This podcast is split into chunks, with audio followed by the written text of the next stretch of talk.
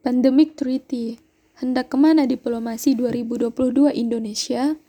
Terkait kondisi pandemi saat ini, Indonesia dipandang mampu untuk menjadi sentra vaksin di Asia Tenggara.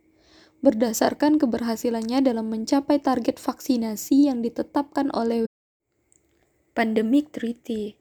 Hendak ke mana diplomasi 2022 Indonesia?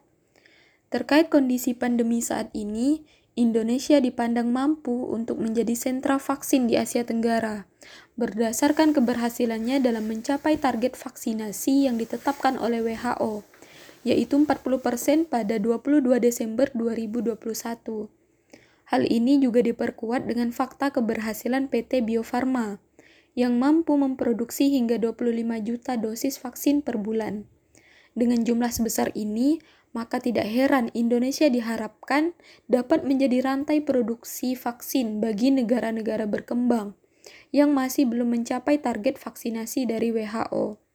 Alangkah lebih baik jika kebijakan ini berdiri sendiri tanpa intervensi dan tekanan dari WHO sebagai bagian dari kesehatan global.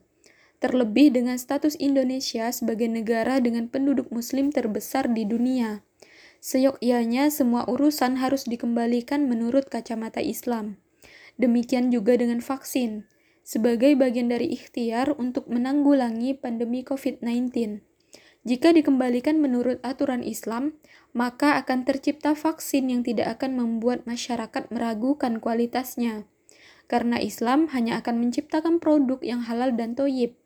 Diharapkan dengan produk vaksin yang halal dan toyib, pandemi ini bisa segera berlalu tentunya diikuti dengan serangkaian protokol kesehatan yang ketat.